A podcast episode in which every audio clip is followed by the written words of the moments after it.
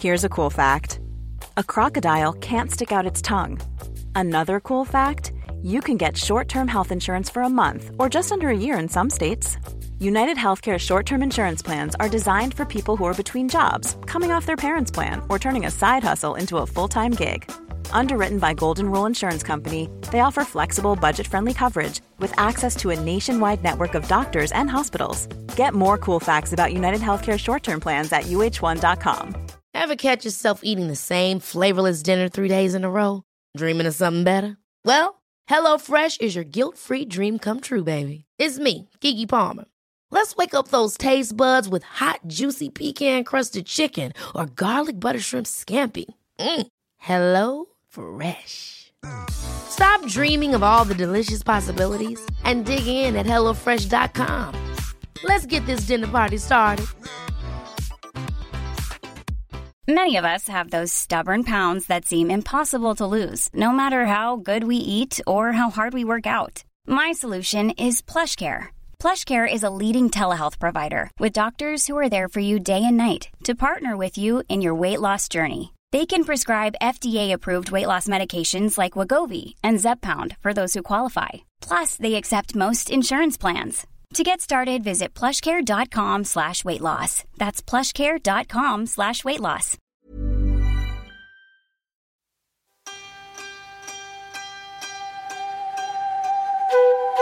Vi är ju så glada att eh, sitta här idag och få spela in ett poddavsnitt. För vi har ju faktiskt fått skjuta på några inspelningar på grund av det som händer i samhället just nu med det här coronaviruset. Och jag tror att alla påverkas mer Mm. eller mindre. Och det har ju också krävts eh, stora omställningar på flera olika sätt. Och en omställning, i alla fall för många av oss som bor i Stockholm och som har möjlighet att jobba hemifrån, är ju att göra det och att då också arbeta mer digitalt. Mm. Och så har det ju varit mycket för oss också. Vi, vi bor ju i Stockholm, så vi har jobbat mycket hemma. Och det blir ju väldigt tydligt nu hur skärmar och den digitala utvecklingen är oss verkligen behjälpliga. Hur skulle vi annars kunna fortsätta jobba i de här tiderna? Det är fantastiskt att man kan ha, tänker jag, så här möten och ehm, klienter över, över nätet. Ja men verkligen, det har, ja, det har ju varit en sån stor hjälp. Annars hade man behövt ställa in så otroligt mycket saker. Ja, men också en stor omställning tycker jag för mig, Ja. som inte haft det så mycket innan, att det var lite läskigt i början. Ja, men jag håller med. Jag tycker fortfarande att det är vissa saker som inte riktigt sitter där. Ja. Framförallt när man är många in i ett möte och sådär. Men det är väldigt bra.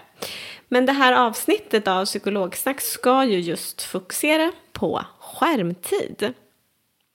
Och vi ska ju också säga då som vanligt välkomna till podden Psykologsnack. Och det är ju en podd som vill sprida kunskap om psykisk hälsa och ohälsa. Ja, och ni som följer oss och eh, brukar lyssna känner kanske igen oss vid det här laget. Men om det är någon nytillkommen lyssnare så kan vi ju presentera oss. Vi är ju då legitimerade psykologer och jag heter Åsa. Och jag heter Sandra. Och inför dagens avsnitt då så har vi ju läst lite böcker och artiklar för att liksom djupdyka lite i det här ämnet. Och vi har ju läst eh, saker av bland annat Anders Hansen och, och av Siri Helle och Sissela Nattli. Ja, och eh, vi tror ju att ni som lyssnar nu vet till 100% säkert eh, var er telefon är. Och kanske troligen för att ni lyssnar på podden i den. Men även alla andra vet med 99% säkerhet var deras mobil är just nu. Om den då inte är i handen. För att om du inte visste det så skulle du troligtvis ha svårt att koncentrera dig på att lyssna. Eh, eller på någonting överhuvudtaget egentligen. Mm. Det är ju det första många av oss gör när vi vaknar på morgonen är att sträcka oss efter mobilen och titta på den. Och även det sista vi gör. Hands innan- upp på det. Ja, Det är jag. Ja, innan vi går och lägger oss och att man liksom lägger den på, på nattduksbordet och har den sådär otroligt bekvämt nära ifall att. Ja. Och eh, det finns ju faktiskt siffror som visar då att vi rör mobilen, alltså jag vågar knappt säga det här, 2600 gånger per dag. Och plockar upp den i genomsnitt var tionde minut. Och det sjuka med att ja, men när vi läste de här siffrorna. Eh, så jag tror både du och jag satt liksom med ett sug och bara ville eh, kolla mobilen hela tiden. Alltså det är så galet.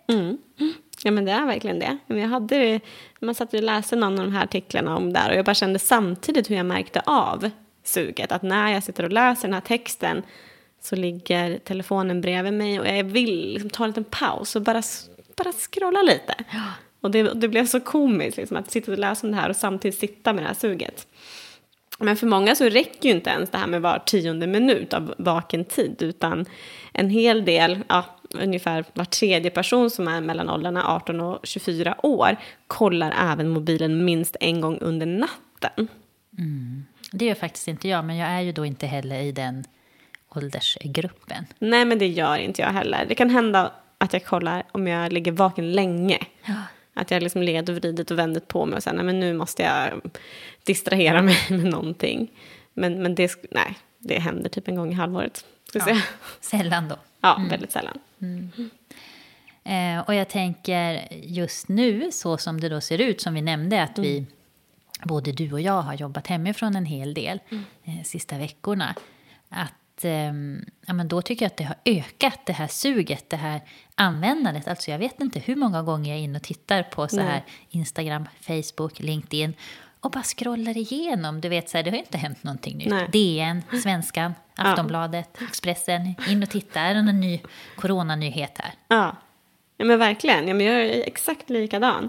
Det, är liksom det, ja, det har blivit ännu svårare. Kanske för att ja, men det är ännu färre andra saker som tar ens uppmärksamhet när man sitter hemma och liksom inte har kollegor eller liksom andra mm, liksom, naturliga samtal att ha med fysiska personer. Eller så där uppdatera sig, ta en liten kort paus. Utan det blir mer att det är mobilen som får liksom vara, vara det sällskapet. Så det, ja, nej, jag tycker att det, jag saknar lite faktiskt att, att gå in på kontoret och på något vis stänga av mobilen lite. Alltså jag har ju på mobilen för om jag får samtal. Men jag, jag, oftast är jag så upptagen med annat. Så att jag sitter liksom inte och scrollar på sociala medier på jobbet. Eh, nej, inte jag heller. Och jag är ju inte inne så där ofta. Det kanske är så här på lunchen då jag kollar en liten Mm. sväng. Eller ja, men innan jag ska gå hem. Verkligen inte som det är nu. Nej. Nu är det ett ökat eh, Men verkligen. användande. Ja. I vanliga fall så kan jag tycka att det var lite härligt i slutet av dagen just när man går hem så och nu ska jag kolla om det har Mm. hänt någonting i DN eller titta på Instagram eller sådär. Men nu är det inte roligt när man slutar jobba för det har jag redan kollat 250 gånger på en dag. Och det här blir så tydligt också för nu om dagarna har jag märkt att jag har ingen batteri kvar på mobilen. Och det, vilket innebär att jag nog kollar, ja, att jag tittar på mobilen ungefär 2600 gånger då. Ja, det gör nog jag också. Mm. Eh, men jag tänker också det här med att... Eh, jag vet inte om du någon gång har så här eh, glömt mobilen hemma. Det har jag gjort ibland. Mm. Och det är ju också jättejobbigt. Eller ännu värre om man har, har tappat den någon gång. Mm. Det har jag faktiskt inte gjort. Kanske förlagt den någon gång, men inte, inte tappat bort den. Har Nej. du gjort det? Ja, alltså jag gjorde faktiskt det bara här förra helgen, eller för, förra helgen blir det nu. Ehm, när jag var på, på gymmet så bara la jag, un, la mig ifrån mig den en liten stund. Och så skulle jag gå därifrån. Och det vet man, man vet ju som sagt, man vet ju till 99 procent säkerhet vart mobilen är hela, hela tiden. Och då kände jag hela kroppen så här, jag vet inte vart min mobil är. Jag bara kände så att den är inte här. Och så började jag liksom få lite panik, kolla igenom fickorna och bara så här, vart är den? Allt är ju där liksom. Ehm, så då hade jag ju förlagt den, men det var någon som hade lämnat in den i receptionen. Ja. Och som tur var så har jag också en klocka som jag kan kalla på min telefon med. Så då ringde jag på min telefon och då, Ja. då ringde det där och tog receptionisten upp den och då bara pju, gud, tänk om den hade varit borta. Ja. Det hade varit katastrof. ja, men man har ju så mycket i sin mobil också. Typ halva livet känns det ju som. Ja, alla men- kontakter och bilder. Och... Ja, verkligen. Jag har också liksom mina jag har också mina kort i den, alltså mina betalkort och sånt där. Så det blir, ja, det är mycket som, mycket värde på något vis som är där. Ja. Och jag tänker att eh, är man ute eh, på stan eller man åker tunnelbana eller ja, man befinner sig i olika sammanhang så ser man ju att människor använder, inklusive en själv då, väldigt mycket sina eh, mobiler. Och då är det ju faktiskt intressant och det är väl det vi ska ägna åt eh, resten av podden idag. Att prata om vad är det som gör att mobiler och skärmar har lyckats att förföra oss så. Att förföra alla oss människor på det sättet. Ja. ja, men för där har jag också... Jag har till och med lagt mig till med en väldigt ful ovana. Vilket jag, det var en sån ovana som jag störde mig så mycket på andra som tog med sig mobilen när man går på toaletten. Och det gör jag nu. Alltså jag kan börja gå till toaletten och sen kan jag säga, men vänta, det är någonting som saknas. Och så vänder jag och så går jag och hämtar mobilen. Även om jag säger, nej men jag ska inte göra nummer två, jag ska, nummer, jag ska bara göra nummer ett. Det går snabbt, så tar jag ändå med mig mobilen. Ja. Det är ju en sån, alltså, så att, ja, det är inte Där så många andra du, som där ser. kanske du skulle klara dig utan. Jag tror att jag skulle klara det. Men ändå så får jag det. Jag måste ta med mig den. Ja, men för att just svara på den här frågan som du ställer, så här, hur, hur kommer det sig att mobiler och skärmar har lyckats förföra en hel värld? Så, så kan det vara bra att prata om dopamin. Och ofta beskriver man dopaminet som ett belöningsämne, men det är faktiskt inte riktigt liksom hela sanningen. Utan dopaminets viktigaste uppgift är inte att få oss må bra, som man ofta tänker, utan det får att få att oss välja vad vi ska lägga fokus på. Mm. Kan man tänka då att dopaminet är som eh, vår motor? Ja. Ja. Eh, så att om du är hungrig och någon ställer fram mat på bordet så höjs dina eh, dopaminnivåer bara av att se den här maten. Det är alltså inte när du äter maten eh, som dopaminet ökar. Eh, utan det får dig att vilja äta maten och säger åt dig att ah, men nu ska du fokusera på det här, ha fokus på maten. Eh, så att dopaminet får dig att då äta maten framför dig, men det är endorfinerna istället i sin tur som gör att det då smakar gott och skapar en känsla av det här välbefinnandet och så. Precis. Så belöningssystemet styr oss mot olika beteenden som får oss att överleva och föra våra gener vidare. Så det är ju inte så konstigt egentligen med andra ord att eftersom, eller det är inte så konstigt att, att eh, mat och umgänge med andra eh, och sex får liksom dopaminnivåerna att öka. För det har ju väldigt tydlig koppling till just överlevnad. Eh, Men om man då tänker på det här med eh, mobilen då, för jag tänker att även mobilen får ju faktiskt våra dopaminnivåer att öka. Så kan man väl tänka som så eh, att mobilen, man kan säga att den har hackat sig in i ett antal eh, grundläggande mekanismer i vårt belöningssystem. Mm. Eh, och ur ett rent evolutionärt perspektiv så är ju vi människor kunskapstörstande. Eh, eftersom att det också har varit väldigt viktigt för att, att vi ska klara oss och överleva. Så ju mer som vi har då känt till om vår omvärld, eh, desto större sannolikhet har det varit att vi ska klara oss och, och leva vidare. Och därför har vi också den här instinkten att hela tiden söka ny information. Och om ämnet då som ligger bakom den här instinkten, det är ju då dopamin. Så hjärnan suktar inte bara efter ny information utan den vill också ha eh, nyheter i form av nya miljöer och händelser. Mm, precis. Hjärnan belönar liksom det som är nytt. För varje ny sida man ser på nätet eller telefonen så släpper hjärnan ut dopamin och följden blir att liksom, vi klickar oss hela tiden vidare. Vi stannar nämligen färre än fyra sekunder på närmare en femtedel av alla internetsidor. Men gud, är det sant? Ja, så det, är så här, det är väldigt mycket det här scrollandet, Ja. även om det är liksom, även på nätet, att vi klickar oss ofta vidare, vidare, vidare, vidare. För vi hela tiden har den här, liksom, den fokuserar på att vi ska liksom, vända oss till det nya. Och så att då har vi tittat i fyra sekunder, då är vi lite färdiga med det. Då, får vi liksom, då har vi ett dopamin som gör att vi fokuserar på nästa, nästa, nytt, Så har man en nytt. ny belöning där hela tiden. Precis. Gud, jag måste nästan kolla lite hur det är för mig. Ja, men man blir väldigt nyfiken. Ja. Hur, hur, hur, är det mina beteenden ser ut? Ja. Ehm, Men jag tänker att kanske att det kan vara lite på det sättet för mig. För jag kan ju tänka så här, nu ska jag gå in och kolla det här, nu ska jag kolla på en ny matta till hallen. Mm. Men innan jag väl, när jag liksom har öppnat datorn och så kommer det upp kanske sidor jag brukar titta på, ja då har jag klickat mig in på någon blogg, någon tidning, Mm. någonting annat och så läste jag någonting där och så in på något nytt. Så då kan det ha gått en kvart innan Ja. jag kom på, visst fasen, jag skulle ju googla och kolla på den där mattan. Ja.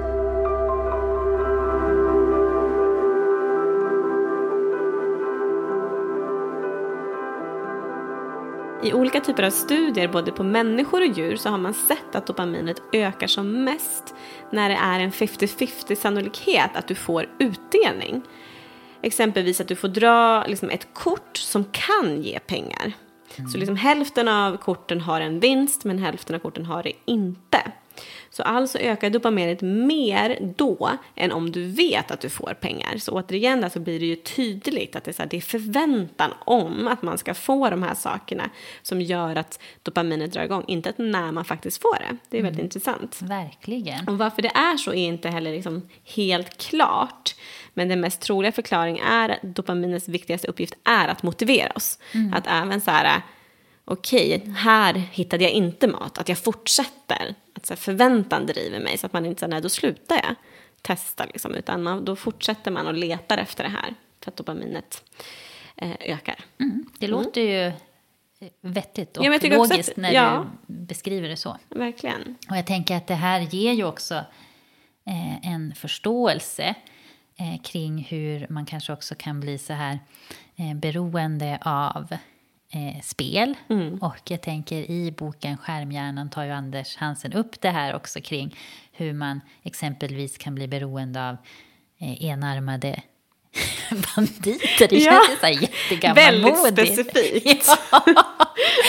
Och spela folk så mycket på det. Det känns som att det är så mycket digitalt man spelar nu med. Men vadå, man kan inte spela på enarmade banditer på nätet? Ja, det kan man göra. Men Ja. jag också tänker verkligen på den där bilden när folk sitter och så stoppar Ja, i på, på, på båten typ. Ja, så här, mynt efter mynt och de sitter där och drar. Det finns ju fortfarande vissa sådana som står ute typ på krogar. Ja, Att folk sitter där och drar. Och då är det ju den här liksom förväntan om att det är igen då som jag tänker, så här, men Ja. nästa gång då. ja. Men där är det väl inte ens 50-50 chans? Nej, det tror jag inte. Nej. Det tror jag inte. Men Nej, ändå, det, men ändå. det är ju att chansen finns. Ja. Ja. Eh, det finns ju också andra aktörer, eh, förutom då eh, enarmade banditer och andra spel, eh, som är väldigt skickliga eh, på att då utnyttja eller använda vår eh, förkärlek för det okända. Nämligen sociala medier. Till exempel då Facebook, Snapchat och Instagram. Eh, de skapar ju alla ett sug som vi har varit inne på efter att ta upp mobilen och se om det så här har tillkommit, om det har hänt någon viktig uppdatering eller eh, har det kommit ett nytt eh, likes, ett nytt hjärta eh, på Instagram till exempel. ja, det där kan man ju tyvärr relatera till. Eller tyvärr, jag vet inte. Men ja, har man gjort en uppdatering, jag tror både du och jag har så här, känt, även bara så med, våra, med psykologsnack. När man har lagt Ja. upp någonting på Instagram så är man ju där liksom 51 gånger och bara undrar om det är någon som har Ja, men jag gillat. vet, och man bara, och nu var det tre nya här. Yes! Ja. Ja. Åh gud, det är ju helt sjukt hur det funkar. Ja men precis. Och dessutom så har de ju verkligen förstått så här, vad det är som triggar oss allra mest. Eh, för de serverar ju dessutom sina digitala bekräftelser när vårt belöningssystem är som allra mest triggat. Eh, det liksom gilla du får på ditt träningspass visas ofta inte samma stund som någon som faktiskt trycker tummen upp eller hjärta. Vilket man, jag trodde det. Ja. Att här, i samma stund som någon trycker på ett hjärta så får jag Ja. notis om det. Eller så, här, då händer det.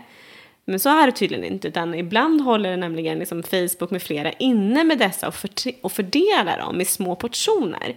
För att man ska liksom vänta in vårt belöningssystem, att det liksom är maximalt triggat. Mm, alltså det är ju smart av dem, Ja men verkligen. eh, tänker jag. Men man känner sig ju som en dum... Jag vet inte, jag känner mig som att jag inte har någon egen vilja och hjärna här. Jag blir förförd.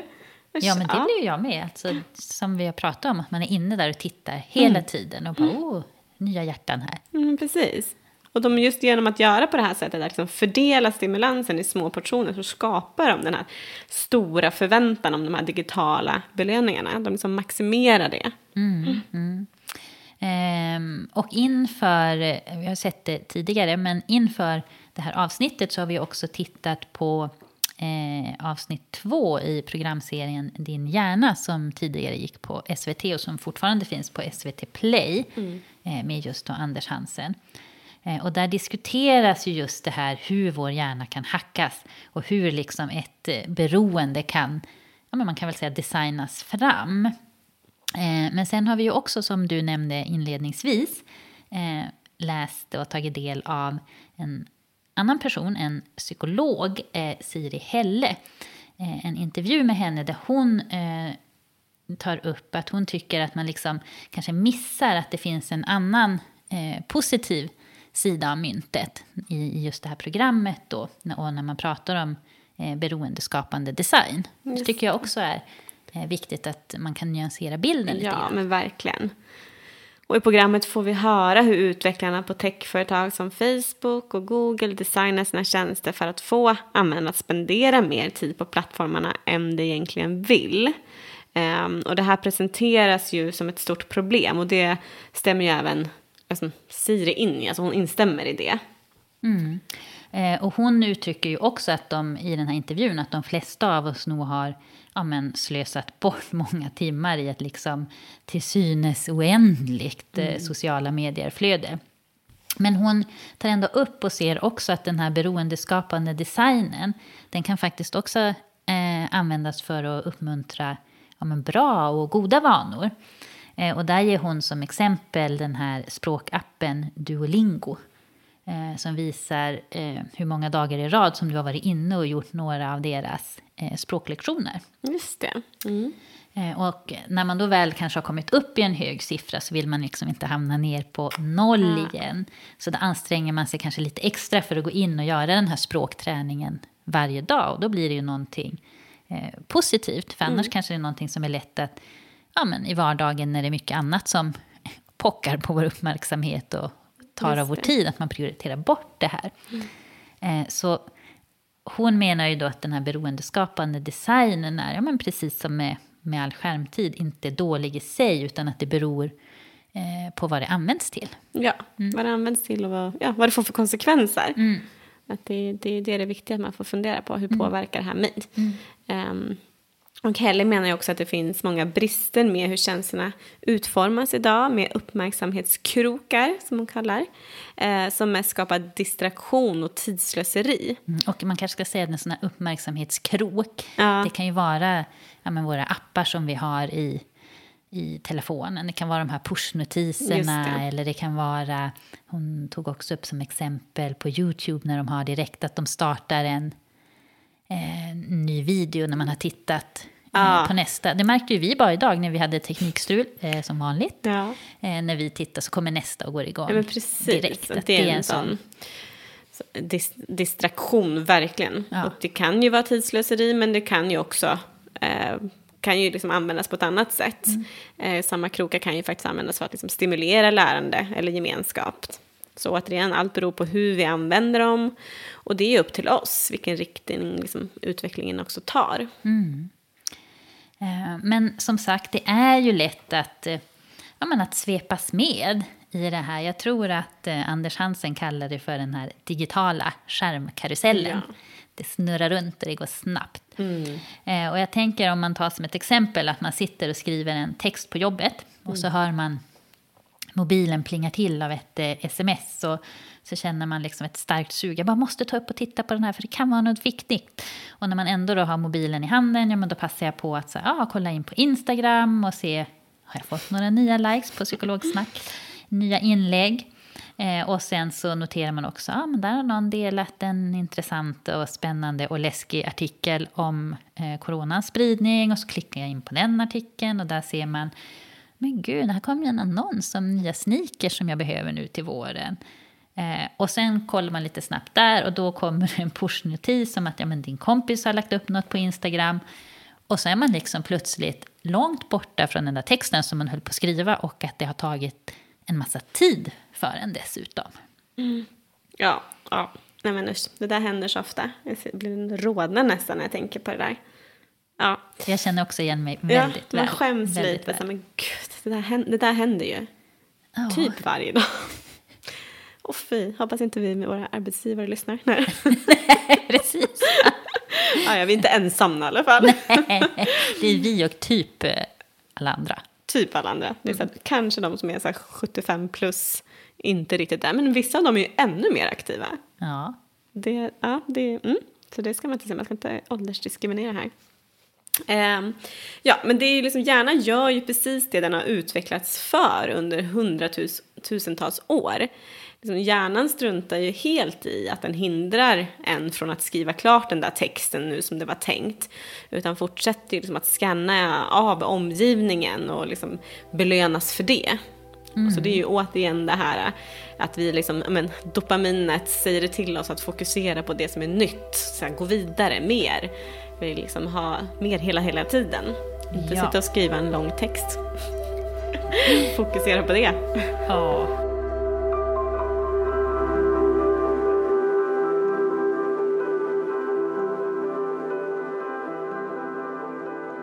Många av oss kan ju ha svårt att bara göra en sak i taget. Eh, har du märkt att du under senaste året har försökt att göra allt fler och fler saker samtidigt? Ja, jag tycker det är extremt. Alltså jag gör verkligen minst två saker för det mesta samtidigt. Om jag nu, ja, ja men titta på tv och scrolla på mobilen, vattna blommor och lyssna på en podd. Mm. Eller till och med scrolla lite med ena handen och vattna med andra handen. Alltså sådär. Nej men det är väldigt sällan jag bara gör en sak. Till ja. och med liksom, laga mat, kanske lyssna på någonting. Jag tycker att om jag så här viker tvätt till exempel, som ja. inte kräver så mycket, då funkar det svinbra att mm. lyssna på en podd ja. eh, samtidigt. Men det du säger att laga mat, mm. Nej, det Nej, men det går inte. Det blir alltid något fel om jag lyssnar på podd samtidigt. Nej, men då missar jag något i det där receptet. Eller jag är liksom inte riktigt fokuserad. Nej. Eller jag kanske pratar i telefon med någon. Då bara, vad fan. Vad var det? Ja, men absolut. Antingen liksom missar man fel. någonting i podden, i, i, samtalet. Eller så har man vidbränt någonting. Ja. Det, nej, det är jättesvårt. Den, ja, den digitala livsstilen vi har idag innebär ju mer än något annat att vi försöker göra flera saker samtidigt. Många forskare försökte se vad, vad det finns för fördelar med att multitaska. Men de allra flesta kom ju fram till samma sak. Att det är typ ingenting. Eller vi är inte så bra på multitaska. Det finns inte några liksom fördelar direkt med det. Utan vi blir helt enkelt mindre effektiva av det och vi får sämre minne. Ja, och om sanningen ska fram så är det ju faktiskt så att 90% av oss eh, kan inte göra två saker samtidigt. Precis som vi var inne på. Vi tillhör ju uppenbarligen de här 90 procenten. Ja. Eh, för att det vi egentligen gör när vi multitaskar är ju att vi flyttar vårt fokus snabbt mellan olika saker. Men vi kan bara fokusera på en sak i taget. Och hjärnan har liksom en viss ställtid. Vilket gör att det tar ja, men en stund innan man har fullt fokus mm. eh, igen. Mm. Eh, sen finns det såklart några få procent eh, så kallade supermultitaskare som faktiskt kan klara av att göra två saker samtidigt. Mm, Men jag är ju då inte en av dem. Jag, visste, jag trodde inte att det var någon som klarade det faktiskt. Nej, jag trodde inte heller det. Men Anders Hansen tar upp det i sin ja. bok också. Att, men det, är några, det är några få procent ja. som faktiskt kan ha liksom, ett splittrat fokus. Ja. Det måste ju vara fantastiskt. Som sagt, vi verkar inte kunna ha det. Nej. Nej. Och det här pratade vi också en del om i avsnitt tre som handlar om stress och gav tips på att liksom göra en sak i taget för att kunna liksom behålla fokus och arbeta effektivare. Mm. Men trots att det då inte är effektivt att göra flera saker samtidigt så är det ju så att hjärnan belönar oss ändå för det. Eh, och det här hänger ju också då såklart eh, kvar från evolutionen. Mm. Eh, för att då var det bra att vara uppmärksam och flytta sin uppmärksamhet snabbt om det hände något. Återigen, för att vi mm. skulle klara oss och överleva. Så det är därför hjärnan eh, belönar oss när vi multitaskar. Mm. Men studier som sagt visar på att multitasking försämrar vår koncentration och arbetsminnet. Så att då tänker man så här, ja men då får man väl bara stänga av datorn och, och sätta mobilen på ljudlös. Ja, men tyvärr är det ju inte eh, så enkelt.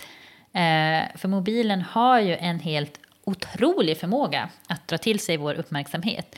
Eh, och den förmågan verkar ju inte bara liksom, eh, försvinna eh, för att eh, mobilen ligger på ljudlös i fickan.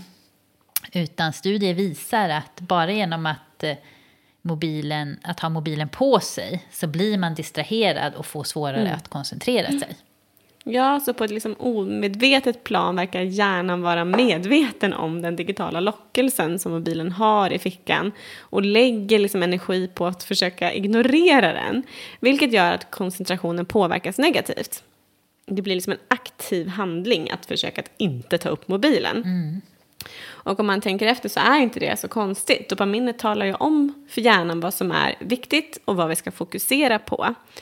Att mobilen frisätter dopamin hundratals gånger per dygn kommer göra oss intresserade av den. Ja.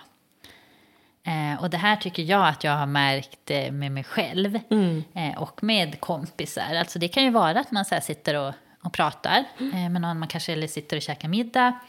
Eh, och att det kan vara jag, eller det kan vara någon annan i sällskapet. Ja, men du vet, så tar man plötsligt upp telefonen och så kollar. Men kanske kika in på Instagram eller bara oj, jag har fått ett sms jag ska svara på. Så här. Det är helt så här sjukt när man tänker på det, otrevligt Ja. att göra det. Jag tror att vi faktiskt pratade om det här när vi pratade om stress också i avsnitt tre.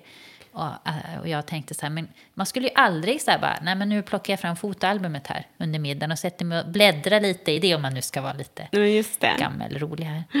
Eh, det Ja, men vi inte pratade, hända. ja, just det, vi pratade om det Ja. där också, att så här, hur folk uppfatt, upplever ett samtal Ja. när mobilen ligger framme. Ja. Bara då upplever man att samtalet, man är inte lika eh, engagerad och närvarande, bara mobilen ligger, fast man inte rör den. Så, liksom, så skattar man det samtalet som sämre än om en mobil inte finns i närheten. Ja.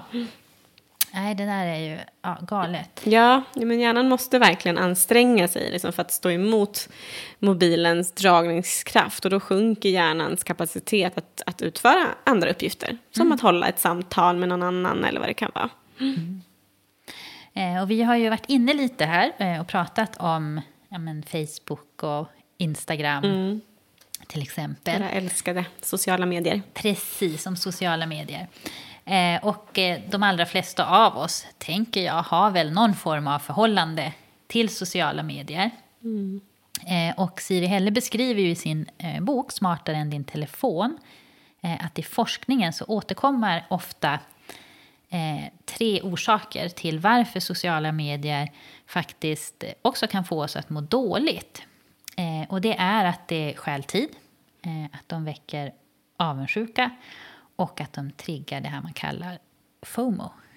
Mm, just det. Fear of missing out. Ja, ja. Så nöjd när jag lärde mig det. Ja, precis. Mm. Och en av de vanligaste orsakerna till att man är missnöjd med sin användning av sociala medier är att det tar så mycket tid. Yay. Alltså det tycker jag är den främsta anledningen för mig. Mm. Det känner jag igen så mycket. Ja, verkligen. Och hon spekulerar i att en av anledningarna till att det blir så är den så kallade ja, men designkrokar.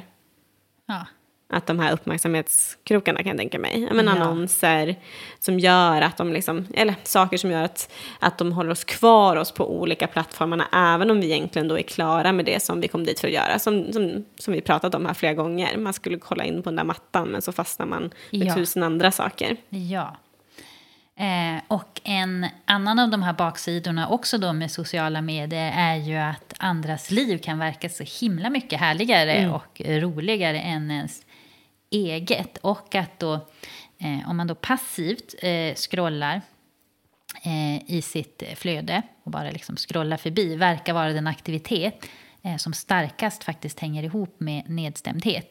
Jämfört då om man använder det här genom att så här ja, men kommunicera, chatta, diskutera på olika forum. Då har det en annan funktion och kanske någonting som vi mår bra av. Just det. Eh, och jag tänker, det här med att ja, men jämföra oss med andra, det gör vi ju i verkliga livet också.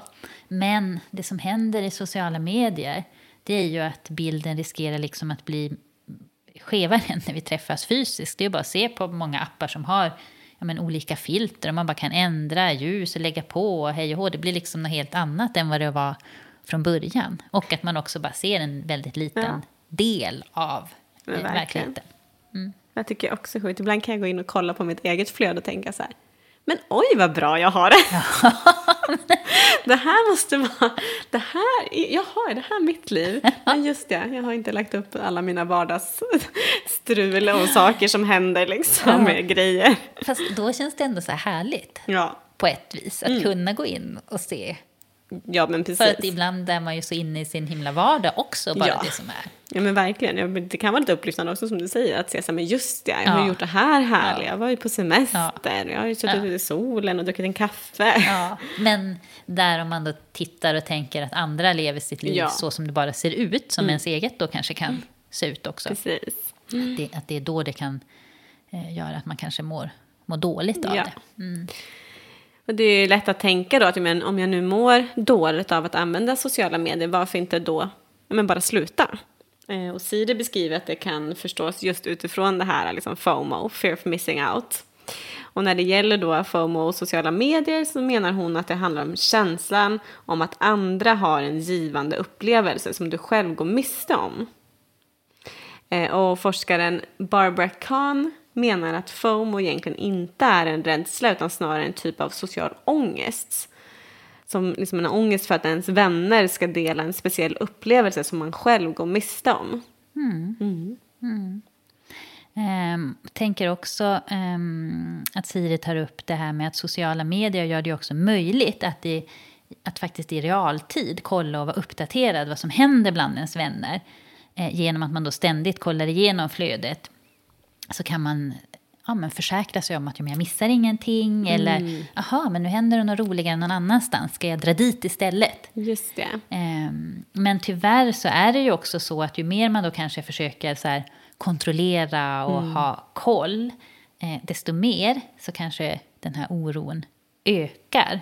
Och ju oftare du kollar mobilen, eh, desto oftare kan den här oron komma av att, ja, men, har jag missat någonting nu? Händer det någonting det. som jag inte är med på?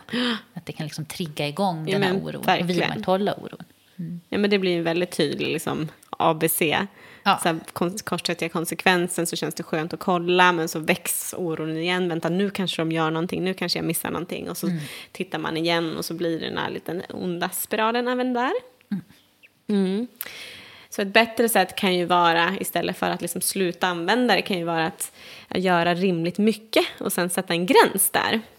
Och har man svårt att veta var gränsen liksom går för rimligt så kan det ju vara bra att fråga kanske en vän som verkar må bra och få, som faktiskt får det att funka och sen testa att göra på det sättet. Mm, bra tips. Mm.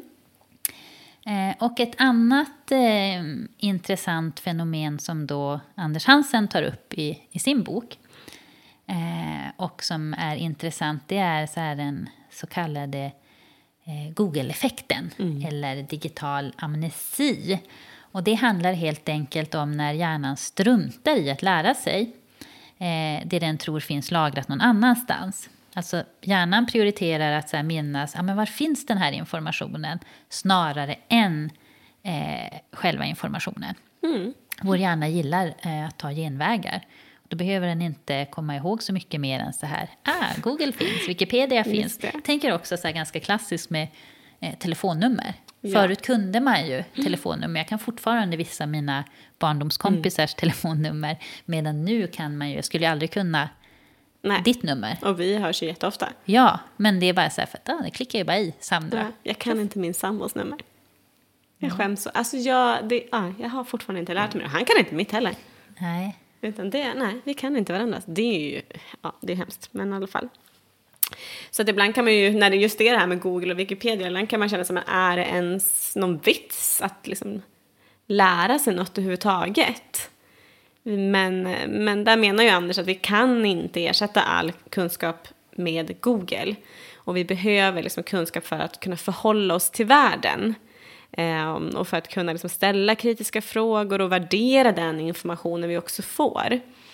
Och när liksom information överförs från korttidsminne till långtidsminne så integreras informationen med våra personliga liksom erfarenheter för att just bygga det vi kallar för kunskap.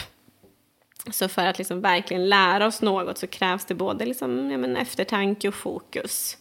Ehm, ja, och det kan vi ju riskera att missa i en värld fylld med snabba klick. Att vi liksom hela tiden då väljer att ställa googla upp det. Och det, där, det, det har jag också verkligen märkt, att det är många saker som jag inte minns. Ehm, Men tror du att det kan vara något så här, kan det här vara på något vis mm, att, hjärnan så här anpassar sig, att det kommer vara så här det ser ut framöver för att, ja, men för att informationen finns så lättillgänglig om man bara om man knappar in och frågar eller Ja. eh, pratar inför den delen och frågar och så kan man få svaren att vi behöver inte det, att det blir så här energisparande för hjärnan också. Sen såklart, Mm. som han då säger, att viss kunskap måste vi ju också ha. Ja, men blir- att, ja. att det sparar ju ändå så här, inte vet jag, tid och energi. Mm. Eh, eller energi kanske framför allt, att inte då lagra all den här informationen. Eller? Jag vet Ja, inte, jag bara alltså, jo, spekulerar jag tänker lite det, här. det är ju just det hjärnan gör det här med att den väljer att, att komma ihåg vart informationen finns. Jaha. Eh, och det tror jag, ja, det är ju för att vi kan inte lagra hur mycket som helst. Så det är otroligt hjälpsamt tänker jag. Det är ju Mm. jättemycket fördelar med, med Google och Wikipedia. Men det Mm. kan ju också vara nej, när jag ska processa det jag läser på Google och Wikipedia så kan det ju vara bra att jag har någon typ av grundkunskap som jag liksom filtrerar det igenom. Annars så kanske jag sväljer vad som helst. Absolut. Det är det det är. Så här, någon Ja. typ av kunskap måste jag ha, annars kommer jag liksom... Nej men gud. Jag, ja, nej. Det går ju inte ens att föreställa sig hur det skulle vara om vi bara Allt. gick ut i världen utan någon kunskap. Om man bara skulle så här googla upp allting. Koka kaffe, googla ja. det. Ja. Googla hur man tar sig hem. Ja. Det gör jag typ jämt för sig. ja, jag är så dålig på att hitta. Ja, ja. Det är en annan, annan historia. Det var varje dag när jag ska hem från jobbet. ja, precis. Inte varje dag, men Nej, förlåt. Gud, jag känner är så fnissig idag. ja. Ja, Söndag eftermiddag. ja då får man vara lite fnissig. Eh, ja, men om vi då eh, ska kika lite, eller kika, prata lite om det här med eh, psykisk hälsa. Ja. och skärmanvändande. Så i boken Skärmhjärnan så tar ju Anders, det känns som att vi är kompis med Anders Ja. och, Siri. Eh, men så tar ju Anders upp lite olika studier när man har tittat på sambandet mellan eh, mobilanvändande och eh, bland annat då depression. Och i flera av de här studierna så såg man, att ett, så såg man ett ökat mobilanvändande eh, hos deprimerade. Eh, men det man också bör tänka på, som han säger då, är att man kan ju inte egentligen uttala sig med säkerhet om det är så att mobilanvändande ökar risken för depression. För det skulle ju lika gärna kunna vara så att men om man är deprimerad så använder man eh, mobilen mer snarare än att man blir deprimerad av mobilen. ja, men precis. Det är svårt att veta där. Vad som är hönan och ägget. Ja. Ja. Eh, Men Anders menar att han tror att man se, kan se ett överdrivet användande av mobilen som en av flera ris- riskfaktorer för depression. Eh, Men liksom, ja, också för lite sömn, en stillasittande livsstil, social isolering, missbruk kan också öka risken såklart för depression. Eh, och kanske är det så att mobilen tar så mycket av vår tid att vi inte hinner med sånt som också kan skydda mot depression. Som att till exempel motionera, umgås med andra och sova tillräckligt.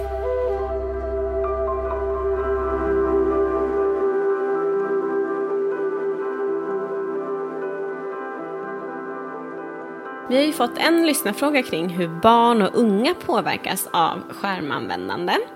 Eh, och så som det ser ut idag så spenderar ju barn och unga en stor del av sin vakna tid i olika digitala världar. Ja, och enligt WHOs riktlinjer bör barn under fem år tillbring- tillbringa mindre tid framför skärmar. Eh, WHO menar att bättre sömn och mer tid för aktiv lek behövs för att barn ska få en hälsosam uppväxt och lägga grunden till ett friskt liv.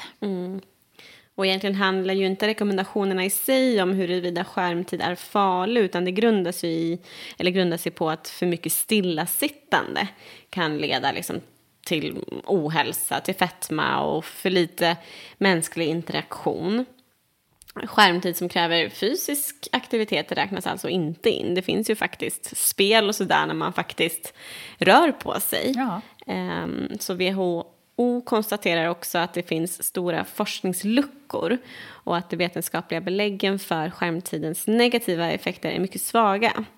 Men vill man ta del av WHOs rekommendationer så kan man ju kika, kika in på deras sida på nätet. Googla lite grann. Mm.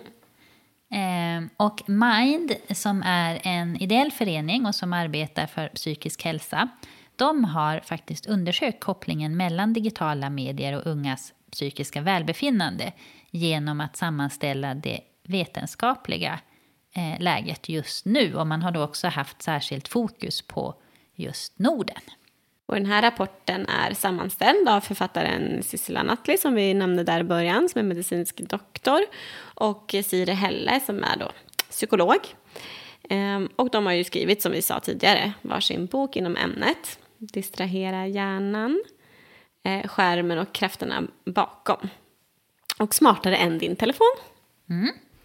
Eh, och i rapporten beskriver de att eh, studier visar att unga som tillbringar en begränsad tid med digitala medier eh, har faktiskt en högre sannolikhet för att rapportera ett gott välbefinnande jämfört med unga som inte tillbringar någon tid alls där. Mm. Eh, däremot är sannolikheten högre att rapportera ett lägre välbefinnande för de som tillbringa mer liksom omfattande och väldigt mycket tid med sociala, eh, sociala digitala mm, medier. Mm. De beskriver också att eh, från den största delen av den forskningen som gjorts hittills kan man inte säga vad som är hönan och vad som är ägget. Det finns saker som tyder på att en stor del av eventuella negativa effekter kan förklaras av minskad sömn, motion och minskad tid till skolarbete. Jag tänker också det här som de säger, att, att inte ha någon skärmtid eh, kan ju kanske också ha att göra med det socioekonomiska. Mm. Kanske inte ha råd med telefoner och skärmar och då är det nog annat som också kan påverka hälsan negativt. Precis, för det tar man ju också upp att de övriga liksom bakgrundsfaktorer som eh, liksom tydligast eh, framkommer, eh, där det finns då en, en förhöjd risk, mm. det är ehm, att vara kvinna. Mm. och då är det framför allt kopplingen till just sociala medier. Men också om man är i yngre ålder, om man har en neuropsykiatrisk funktionsnedsättning och det här som du ja. var inne på med den här socioekonomiska utsattheten. Mm. Mm. Och när man har tittat på gruppnivå har man sett att barn och unga som tillbringar mycket tid på sociala medier också tenderar att må något sämre över tid. Effekten är dock ganska liten eh, och det här sambandet verkar till stor del kunna förklaras av höganvändare av sociala medier. Att de som grupp liksom sover mindre. Eh, och också liksom ja, jag menar att de sover mindre och då löper också en ökad risk att utsättas för trakasserier online. Ja. Eh, och en annan viktig faktor eh, verkar också vara hur man använder sociala medier. Som vi har varit inne på, så hos vuxna har man ju sett att passivt användande av sociala medier, det tycks kunna påverka vårt mående negativt. Genom att ja, men det kan öka eller bidra till mer avundsjuka eller eh, nedstämdhet. Medan, som vi också har sagt tidigare, men kan upprepas igen, ett aktivt användande eh, tvärtom kan faktiskt då ha positiva effekter som att stärka våra relationer och sannolikt så stämmer även det här mm. eh, för, för unga. Ja, för unga som lider av psykisk ohälsa kan ju också ha hjälp av att använda sociala medier, till exempel för att ja, kunna söka stöd eller få mer information och dela erfarenheter. Men det finns ju dock en risk att man hamnar i ett sammanhang som normaliserar ohälsa och ger kanske dysfunktionella råd, vilket kan förvärra till exempel ja, men självskadebeteende. Sånt där har man ju läst mycket om olika forum som snarare kanske uppmanar till vissa typer av dysfunktionella eh, beteenden än att faktiskt liksom, bidra med stöd och hjälp. Mm. Eh, och som vi var inne på här tidigare kring det här med bakomliggande faktorer Eh, så finns det flera olika som spelar in i hur man då påverkas av just sociala medier. Eh, och där det då är om man är kvinna, mm. men också om man samtidigt har en låg självkänsla, om man jämför sig mycket med andra, eller om det är så att man kanske redan känner sig nedstämd, så påverkas man mer negativt av att använda sociala medier än vad andra gör. Eh, och har man de här sårbarhetsfaktorerna då kan det ju faktiskt vara särskilt ja, extra viktigt att man får stöd för att hitta ett mer, vad ska man säga, hälsosamt eller mm. hälsofrämjande eh, användande. Ja, och där kan man ju få stöd liksom från, från olika håll. Eh, ungdomsmottagningar är ju väldigt bra. Eh, och även kanske olika typer av ja, men, eh, hjälp kopplat till skolan. Ja, men jag tänker så här, skolpsykolog Ja. eller skolsyster, skolkurator. Ja. Eh, och när det gäller unga och data, eller datorspelande så har forskningen eh, hög grad fokuserat på, att, på andra effekter än spelarens psykiska välbefinnande. Exempelvis hur de påverkar tankemässiga förmågor och eh, våldsbenägenhet. Och för, för äldre barn har man inte kunnat se någon koppling liksom, mellan datorspelande och eh, psykiskt välbefinnande. Men det finns vissa indikationer på negativ koppling för barn under 11 år. Mm. Eh, Men spelandet är ju för många eh, liksom sammankopplat med, eller förknippat med positiva saker som till exempel underhållning eller det är utmanande. Och för många är det också en, ja, men en, en trevlig umgängesform, ett sätt att, att hänga med andra på. Eh, och ehm, ja, Eh, Och hur spelandet påverkar en verkar delvis kunna förklaras av användarens motiv. Eh, Det som spelar för att liksom undvika livsproblem och svåra känslor eh, kan visserligen liksom känna en kortvarig liksom lindring. Man stänger ut omvärlden och fokuserar kanske inte på det som är verkligt. Men, men forskning pekar på att spelandet då innebär en förhöjd risk för att bli problematiskt och på sikt kunna ge negativa konsekvenser. Mm, och en, liksom en mindre del av, av gruppen som spelar kan också utveckla det här som man kallar gaming disorder. Alltså när man tappar kontrollen över sitt spelande. Och att man fortsätter spela trots att det här ger väldigt mycket negativa konsekvenser inom andra områden i livet som ens eh, kompisrelationer, relationer med familj, skola påverkar en sömn negativt. Eh, och risken för att utveckla gaming disorder det är större då om man har eh, sårbarhetsfaktorer. Som till exempel att man har svårt att hantera känslor. Här kan det också vara att man har en neuropsykiatrisk funktionsnedsättning. Man kanske har svårt i, i skolan eller eh, men man har eh, inte så stort socialt umgänge. Eh, eller att man kanske faktiskt inte heller har ett tillräckligt eh, föräldrastöd. Att föräldrastödet där är bristande. Precis. Ja, men så även här så handlar det mycket om så hur man spelar och varför man spelar och sådär. Ja. Många har ju otroligt stora, alltså, alltså viktiga sociala relationer genom Ja. spel. Ja. Och, och att det kan vara väldigt sådär eh, liksom kognitivt utmanande och det kan vara också väldigt lärande spel. Det finns ju hur mycket eh, faktiskt intressanta och lärorika spel. Ja. Alltså det finns jättemycket att välja på nu. Ja. Eh, och där ibland kan jag nästan vara lite ledsen att inte jag har fastnat så mycket för spel. Men jag med, för det verkar som det är liksom en helt egen Ja, men det är någon community liksom. Ja. Eh, men precis som du säger, att det handlar väldigt mycket om funktionen av, Ja. av beteendet och vad det här får för konsekvenser Mm, för en. Eh, och en annan eh, lyssnarfråga som vi har fått Mm. eh, handlar ju om också om man kan få lite tips och råd för vad man kan göra om man eh, behöver begränsa eh, sitt barns eller sin ungdoms eh, skärmtid. Ja, man kan ju tänka att det är rätt många som sitter med den problematiken. Eh, man ser ju liksom redan små, små barn använder sig ju av, av eh, iPads och skriker efter det så, så fort de inte får liksom det och så fort de inte får leka med mamma eller pappas mobil så, så blir det ett väldigt liksom, liv och, och sådär. Så att jag förstår att många sitter med den frågan, så här, hur, hur ska man göra? Och här eh, har ju vi då, eh, när vi har läst, och här är det i Siri Helles bok, Smartare än din telefon, som är väldigt bra. Eh, där har hon intervjuat barnpsykologen Martin Forster. Just det.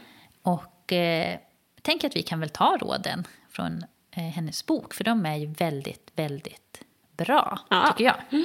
Kör! Eh, och det hon säger, eller det han säger i hennes bok får man Ja. säga då, är att men man alltid börjar fråga sig själv så här, men är det här ett problem? Om det är så att barn ja, men, eh, spelar mycket datorspel, men samtidigt liksom, ja, men det funkar i skolan, det funkar med kompisar, eh, verkar liksom ja, okej med livet, då är det förmodligen inte någon, någon större fara. Ehm, och om det då är så att det visar sig, nej men det här påverkar mitt barns eller min ungdoms eh, övriga liv och mående ja, men kanske negativt eller det verkar inte må riktigt bra och sådär. Mm. Så handlar det mycket om att man liksom ska försöka skapa bättre förutsättningar mm. för att barnet ska kunna ägna sig åt mer ja, men hälsosamma alternativ. Eh, och just det här att tjata och klaga, vilket kan vara lätt hänt för mm. många, kan jag tänka. Eh, det är ju tyvärr inte det bästa sättet att eh, skapa bättre förutsättningar. Eh, och då kommer lite tips och råd här då. Det första är att själv föregå med gott exempel. För det föräldrar vill att barn ska göra istället för att sitta stilla med sina skärmar är ju ofta att ja, men vara ute och motionera, röra på sig, träffa vänner mm. eh, i, i verkliga livet så att mm. säga, fysiskt. Göra men läxor som, kanske. Göra läxor. Men sånt som vi vuxna faktiskt kanske själva eh, tenderar att vara ganska dåliga på. Eh, så att faktiskt själv försöka föregå mm. med gott exempel och ha balans mellan de här olika delarna och själv engagera sig i sånt som man vill att barnen ska engagera sig i. Mm, verkligen. Eh, ett annat tips är att man försöker att skapa rutiner som sätter gränser för mm. skärmanvändande. Alltså, som vi har varit inne och pratat på här, det kan ju vara nog svårt som vuxen att ja. liksom hitta en balans och, och mm. reglera sitt användande av skärmar.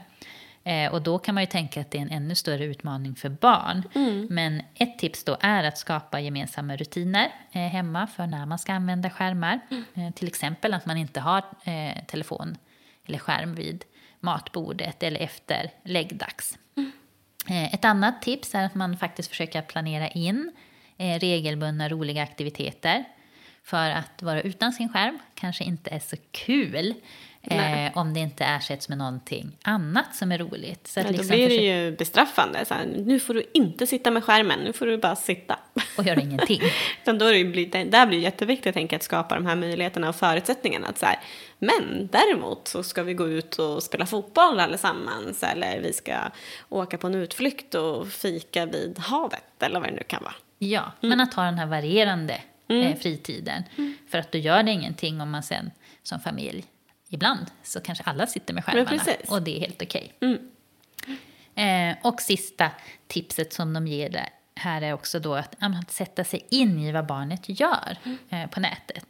Att, eh, ja, men precis som med de andra delarna i livet så är det ju en, en fördel om man som förälder kan stötta sitt barn kring vad, vad den gör. Mm. Så att liksom försöka vara öppen och ställa nyfikna frågor om, om vad de gör online och att be dem visa hur spelen, hur de olika plattformarna funkar, hur de här kontona eh, fungerar och så. Mm. jag sitter och, och flinar för att eh, jag brukar oftast brukar oftast fråga min sambo ibland, för han är ju väldigt så här, datorintresserad och sitter mycket i datorn. Så brukar jag fråga så här, men vad gör du? Och så får jag som, för, jag, för jag just är intresserad, så här, vad är det du pysslar med när du sitter framför datorn? Så där. Eh, och så får jag som svar, jag är på internet. Jaha. det säger mig liksom inte så mycket. Ah, jag tror att jag, att det är för, jag tänker att det är för komplicerat för mig att förstå vad han gör. Jag är på internet. Ha. Ja. Okej, då går jag vidare med mitt då. Ja. Men bra tips verkligen. Um, och jag tänker, det hjälper ju också då, har man liksom barn och i en familj och då att skapa de här goda förutsättningarna tillsammans. För ja. precis som du säger där, alltså vi vuxna har ju också svårt att låta bli att liksom sitta med mobil och sånt där. Så det är väl jättebra att man skapar, man gör det inte bara för barnen utan man gör det för hela familjens ja. välmående i så fall. Och jag tycker också att man kan faktiskt rekommendera alla här att eh, om man vill lyssna på eller eh, läsa, alla kanske inte finns som ljudbok, men de här böckerna som ja. vi har tipsat om, mm. både Anders Hansen, Siri Helles och eh, Sissela Nattlis. Mm, ja, verkligen. Mm. Och användningen av digitala medier men är ju numera verkligen en central del av livet eh, för barn och unga. Eh, och kunskapen om effekterna på ungas välbefinnande är, ja, men, det är ju fortfarande begränsat. Och det finns ett stort behov att, av klargörande forskning beträffande liksom, men hur påverkas vi? vi? Vi vet ju faktiskt inte riktigt exakt hur det påverkar. Vi vet att, nej, vi, ja, vi vet att vi inte riktigt vet. Eh, det verkar finnas vissa typer av samband, men det är inte helt klart. Återigen, vad är det som är hönan och ägget? Mm. Och sammantaget så det som forskningsläget hittills visar är att digitala medier ja, men det kan ha olika påverkan beroende på vem man är, hur man använder det och hur eh, mycket man använder det och hur livet i övrigt ser ut. Mm. Och eh, sociala medier tycks det finnas liksom en liten negativ koppling mellan tid och välbefinnande samt innehåll och välbefinnande. Och datorspelande speciellt tycks inte vara en betydande faktor för ungas välbefinnande utöver risken för dysfunktionellt användande vilket då kan leda till problem. Mm.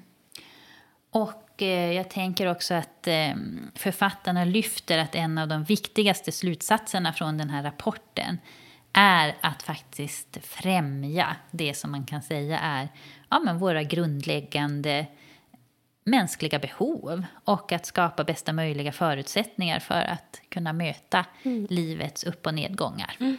Ja, men man kanske kan säga att det handlar om balans mellan olika saker, aktiviteter, aktiviteter i livet och återigen så här, funktionen av beteendet, alltså vad som är syftet med och hur vi använder våra skärmar. Ja, verkligen. Det blir väldigt liksom individuellt utifrån situation också. Mm. Um, ja, och lite intressant är ju att i de här böckerna och även på andra sidor så tar de ju också upp det här att, att vissa väldigt stora inflytelserika herrar inom techområdet och det digitala um, har ju faktiskt varit så kallade low-tech parents. Mm. Um, och tänker både på Bill Gates och Steve Jobs som man har läst om att de har varit ganska eh, hårda, eller vad man ska säga, begränsande i att hur deras barn har fått använda skärmar. Så det tänker jag, det säger ju också kanske någonting om att ja, det kan behövas vissa begränsningar. Ja. Mm. Där skrev ju faktiskt också, jag bara, som kom en liten papegoja. Ja. Eh, där skrev ju också eh, Siri i sin bok att hon tog upp just det här och sa att men om eh, Steve Jobs hade känt till forskningsläget mm. idag kanske han hade sett annorlunda på det. Ja, det, det vet man inte. Mm. Vi har också fått en, en annan lyssnarfråga där de undrar men vad är egentligen fördelarna och finns det några fördelar med skärmar? Och ja, absolut. Och eh, bland många fördelar så, så, är, så lyfter ju Siri heller framförallt upp det här med att, att eh, mobilen kan ju faktiskt användas för att effektivisera vårt arbete. Eh, och det är också en fördel att det har skapat större möjligheter för oss att forma sociala relationer. Eh, många tänker på mobilen som ett hot mot våra nära relationer men det stämmer ju bara i de fall som man låter mobilen konkurrera ut umgänge här och nu. Ja men absolut, för att om det istället används som ett komplement för att säga men Eh, upprätthålla och fördjupa relationen när man är ifrån varandra så kan ju faktiskt mobilen tvärtom stärka relationen. Mm. Det tycker jag man märker också som något väldigt viktigt just nu. Inte bara mobilen men eh, digitala medier. Att man kan ha en... Eh, man har, jag har sett nu i, i våra sociala medier att många har trefika. Ja. Eh, digitalt till exempel. Middagar digitalt. När ja. vi inte kan träffas eh, i, i verkliga livet så kan man träffas digitalt. Och då är det ett jättebra sätt att just mm. upprätthålla och stärka relationerna. Ja, men precis. Det finns ju absolut fördelar. Jag tycker också att en intressant fördel som har lyfts nu i och med eh, corona, när de har kört mycket undervisning digitalt, mm. är att många har upplevt ett, en större närvaro hos elever, framförallt då i liksom, gymnasieelever, att de har varit mer närvarande och också vissa har sett en viss liksom, trend med, med bättre prestationer, alltså bättre betyg.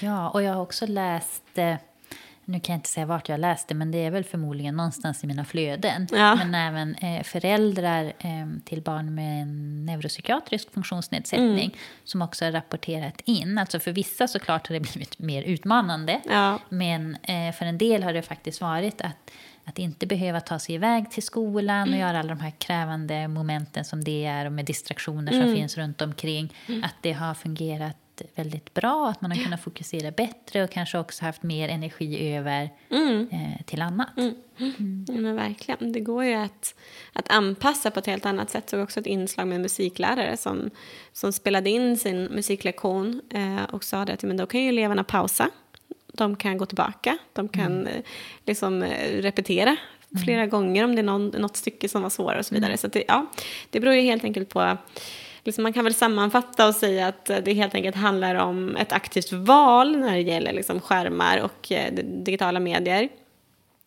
Och hur och när vi använder våra skärmar.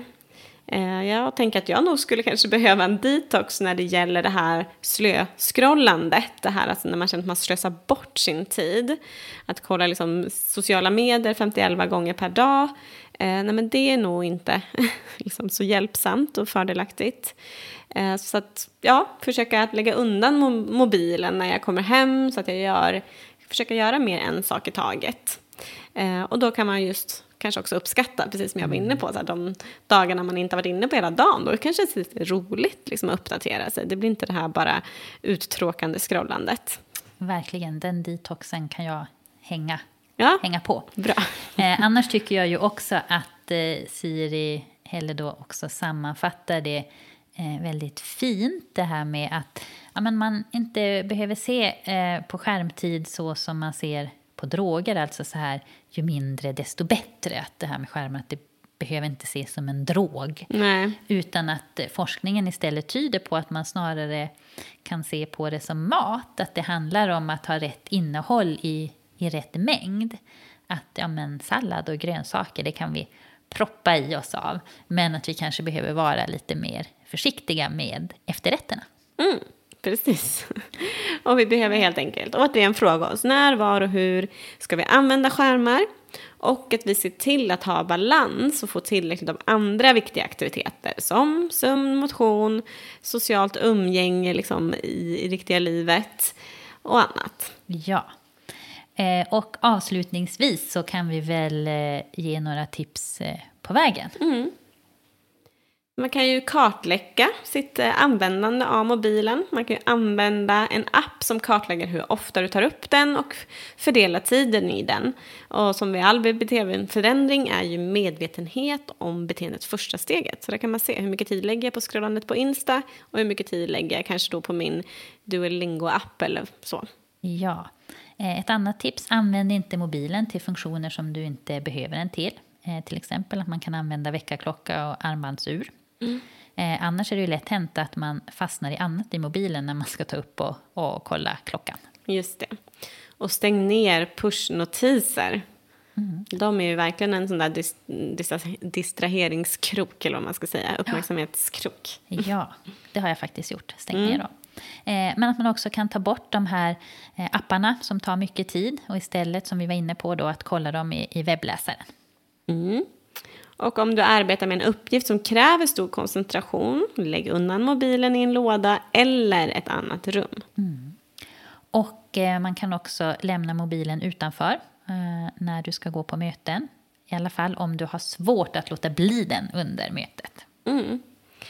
Och kolla din mail på bestämda tider. Siri tipsar om att man i mailsignaturen kan lägga in jag kollar mail två gånger per dag. Och så klockslag då för när man tittar. Eh, mail inkomna efter denna tid besvaras nästkommande dag. Och på, si- på så vis så kan man undvika liksom, missförstånd eller sådär. Eller att någon tänker att man har struntat i, i att svara.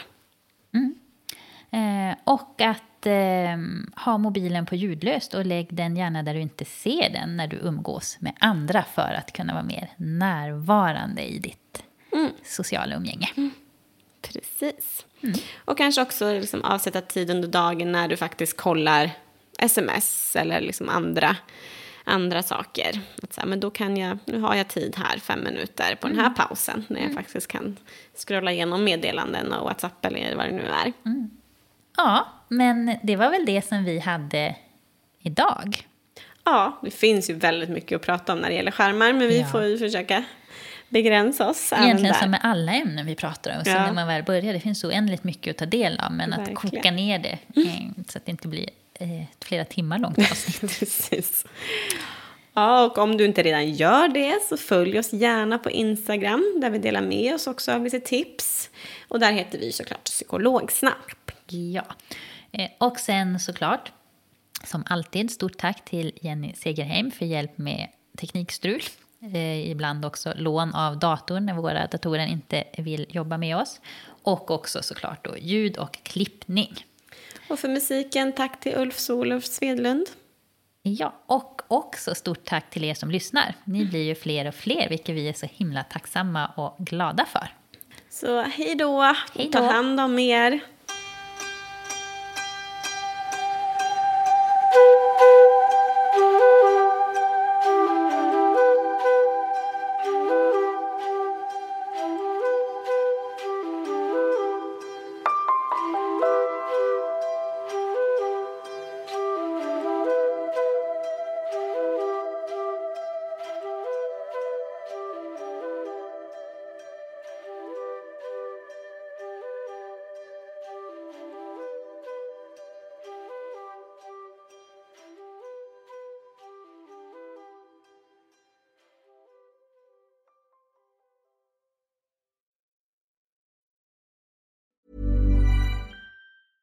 Planning for your next trip? Elevate your travel style with Quince. Quince has all the jet setting essentials you'll want for your next getaway, like European linen, premium luggage options, buttery soft Italian leather bags, and so much more. And it's all priced at 50 to 80% less than similar brands. Plus, Quince only works with factories that use safe and ethical manufacturing practices. Pack your bags with high-quality essentials you'll be wearing for vacations to come with Quince. Go to quince.com slash trip for free shipping and 365-day returns. Hi, I'm Daniel, founder of Pretty Litter. Cats and cat owners deserve better than any old-fashioned litter. That's why I teamed up with scientists and veterinarians to create Pretty Litter. Its innovative crystal formula has superior odor control and weighs up to 80% less than clay litter. Pretty Litter even monitors health by changing colors to help detect early signs of potential illness. It's the world's smartest kitty litter. Go to prettylitter.com and use code ACAST for 20% off your first order and a free cat toy. Terms and conditions apply. See site for details. Ever catch yourself eating the same flavorless dinner three days in a row? Dreaming of something better? Well, HelloFresh is your guilt free dream come true, baby. It's me, Gigi Palmer. Let's wake up those taste buds with hot, juicy pecan crusted chicken or garlic butter shrimp scampi. Mm. Hello Fresh. Stop dreaming of all the delicious possibilities and dig in at HelloFresh.com.